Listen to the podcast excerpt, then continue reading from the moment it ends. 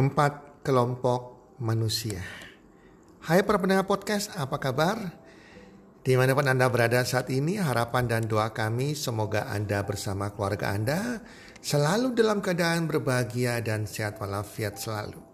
Dan pasti-pastinya, pastinya rezeki Anda makin bertambah, makin bertambah dari hari ke hari sepanjang tahun 2021 ini. Dan juga keberuntungan dan kesuksesan selalu menyertai Anda terhadap apa pun yang Anda kerjakan dan selalu diberkati oleh Tuhan Yang Maha Esa. Para pendengar podcast, kali ini saya akan mensharingkan tentang empat kelompok manusia berdasarkan waktu dan uang. Empat kelompok manusia ini yang belasan tahun yang lalu sempat memberikan inspirasi kepada saya dan memberikan saya suatu hal yang positif sehingga saya tahu saya di dalam kelompok yang mana dan saya harus berada di kelompok yang mana. Empat kelompok manusia kita kaitkan berdasarkan waktu dan uang. Karena menurut saya setiap manusia selalu mementingkan adanya kebebasan waktu dan kebebasan keuangan. Kita mulai dengan kelompok yang pertama. Kelompok manusia yang pertama adalah orang-orang yang punya banyak waktu tetapi tidak punya uang.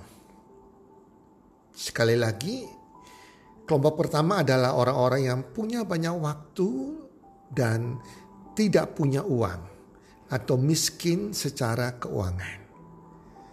Orang-orang di kelompok ini adalah misalnya pengangguran. Pengangguran mereka punya banyak waktu. Mereka bisa santai tidur-tiduran di rumah mulai pagi sampai sore sampai malam nggak ada masalah.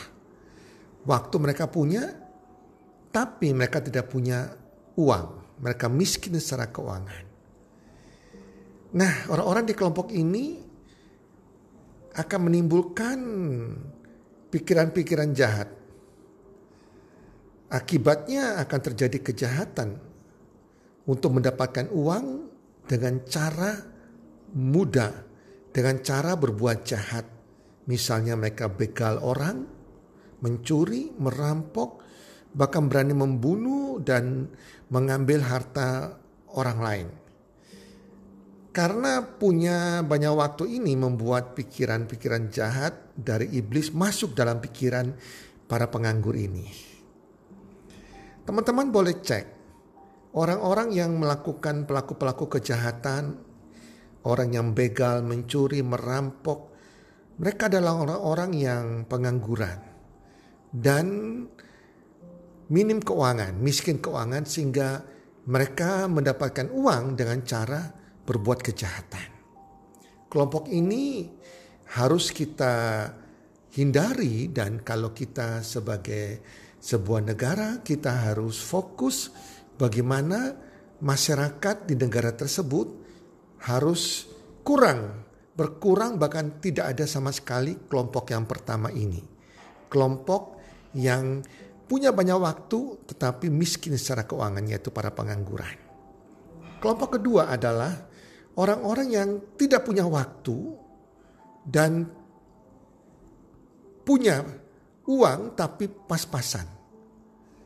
Mereka tidak punya banyak waktu, tidak punya waktu dan juga boleh katakan ya minim secara keuangan.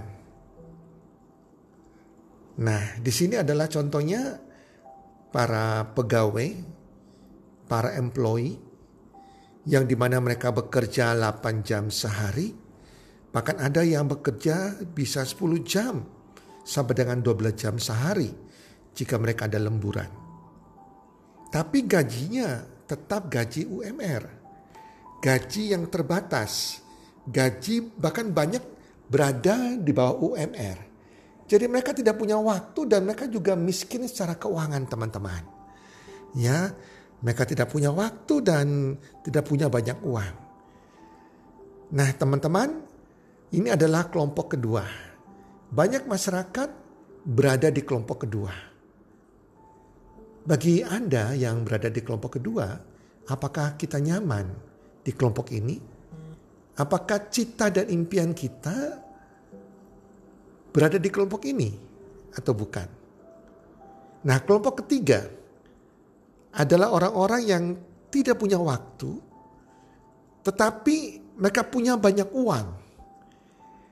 Jadi beda dengan kelompok kedua yang tidak punya waktu dan uang mereka juga pas-pasan minim.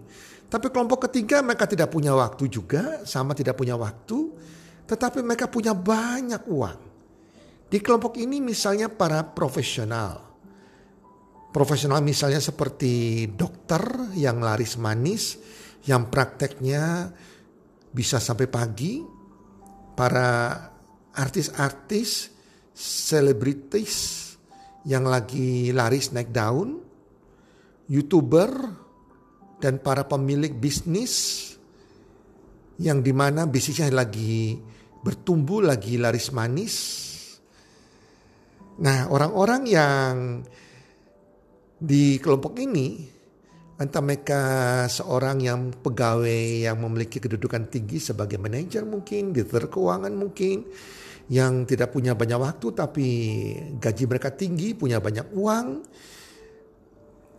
mereka bisa bekerja sampai dengan 8 sampai dengan 12 jam teman-teman sehari. Waktu mereka tidak punya bahkan waktu untuk keluarga juga kurang teman-teman. Tapi uangnya banyak sekali. Saya pernah mendengar wawancara dengan Raf, salah satu youtuber yang mewawancarai Raffi Ahmad. Wow, si Raffi itu kerjanya itu mulai pagi sampai lewat jam 12 malam. Dia hanya tidur 4 jam sehari.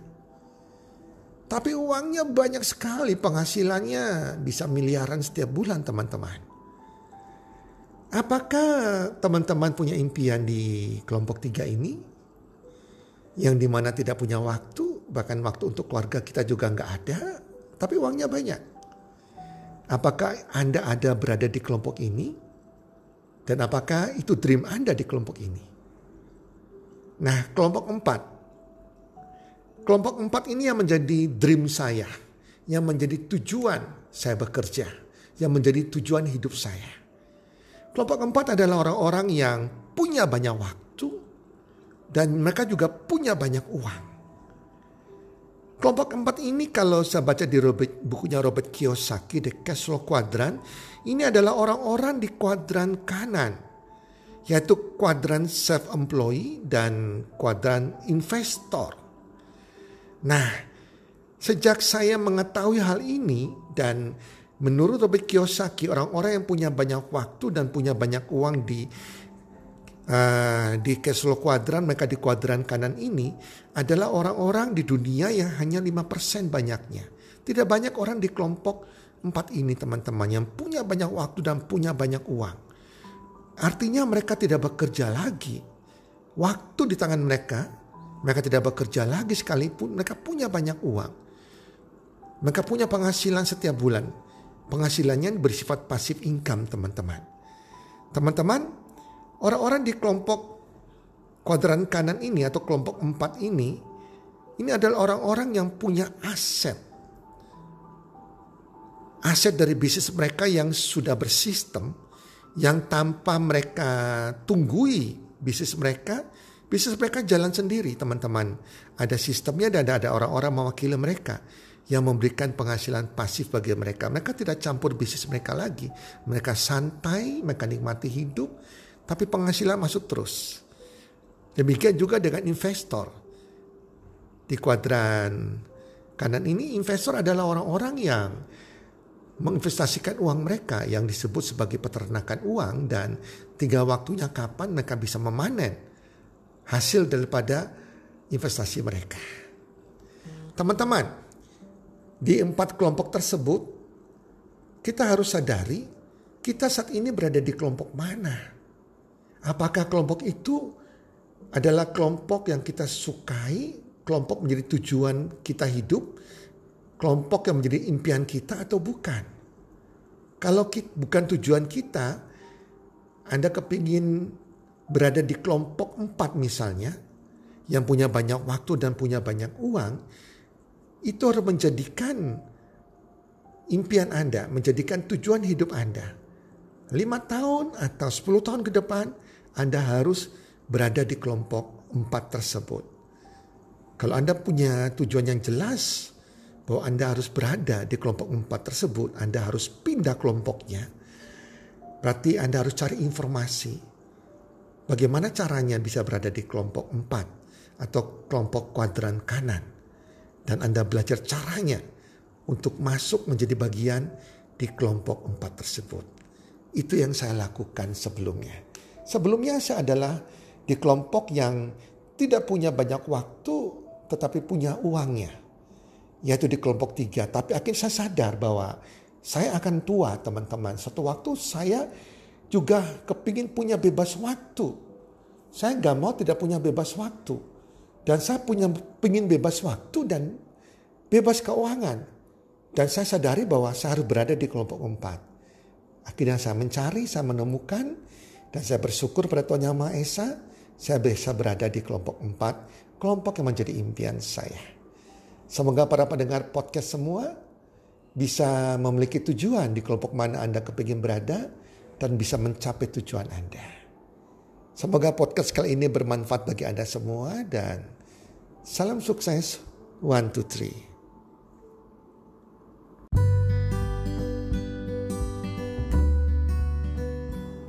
Terima kasih sudah mendengarkan podcast kami. Teman, jika Anda rasa bermanfaat podcast kami ini, Anda bisa menginfokan kepada rekan kerja Anda, keluarga Anda, teman ataupun sahabat Anda.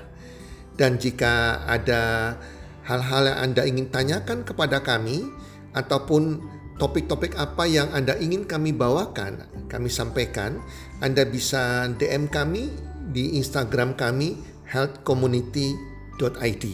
Salam Bantu Tri, salam sehat, sejahtera dan bahagia.